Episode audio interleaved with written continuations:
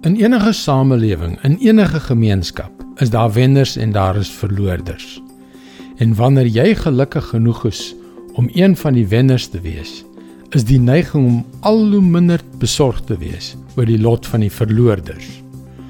Hallo, ek is Jockey Gouchee vir Bernie Diamond en welkom weer by Vars.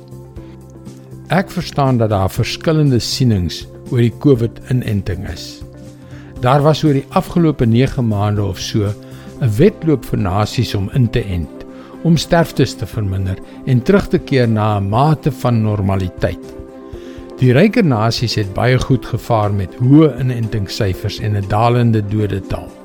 Hulle kon bekostig om groot hoeveelhede enstof op te koop toe pryse hoog was en die wedloop te wen. En as jy soos ek in een van die ryk lande woon waar ons weer ons vryhede geniet, is dit ou nuus. Maar as jy in Sirië of in dele van Afrika en in ander ontwikkelende lande woon, sê die kenners dat dit waarskynlik tot 2030 sal duur om dieselfde vlakke van dekking te bereik. Dit is ongelykheid op 'n makroskaal.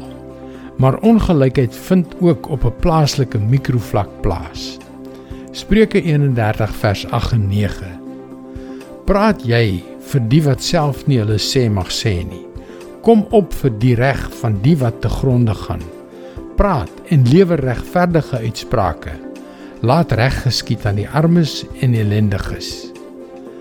My vriend, as jy toevallig een van die wenners is, met ander woorde, kos op jou tafel het, 'n dak oor jou kop en boonop 'n sagte bed het om in te slaap, kwalifiseer dit jou as 'n wenner.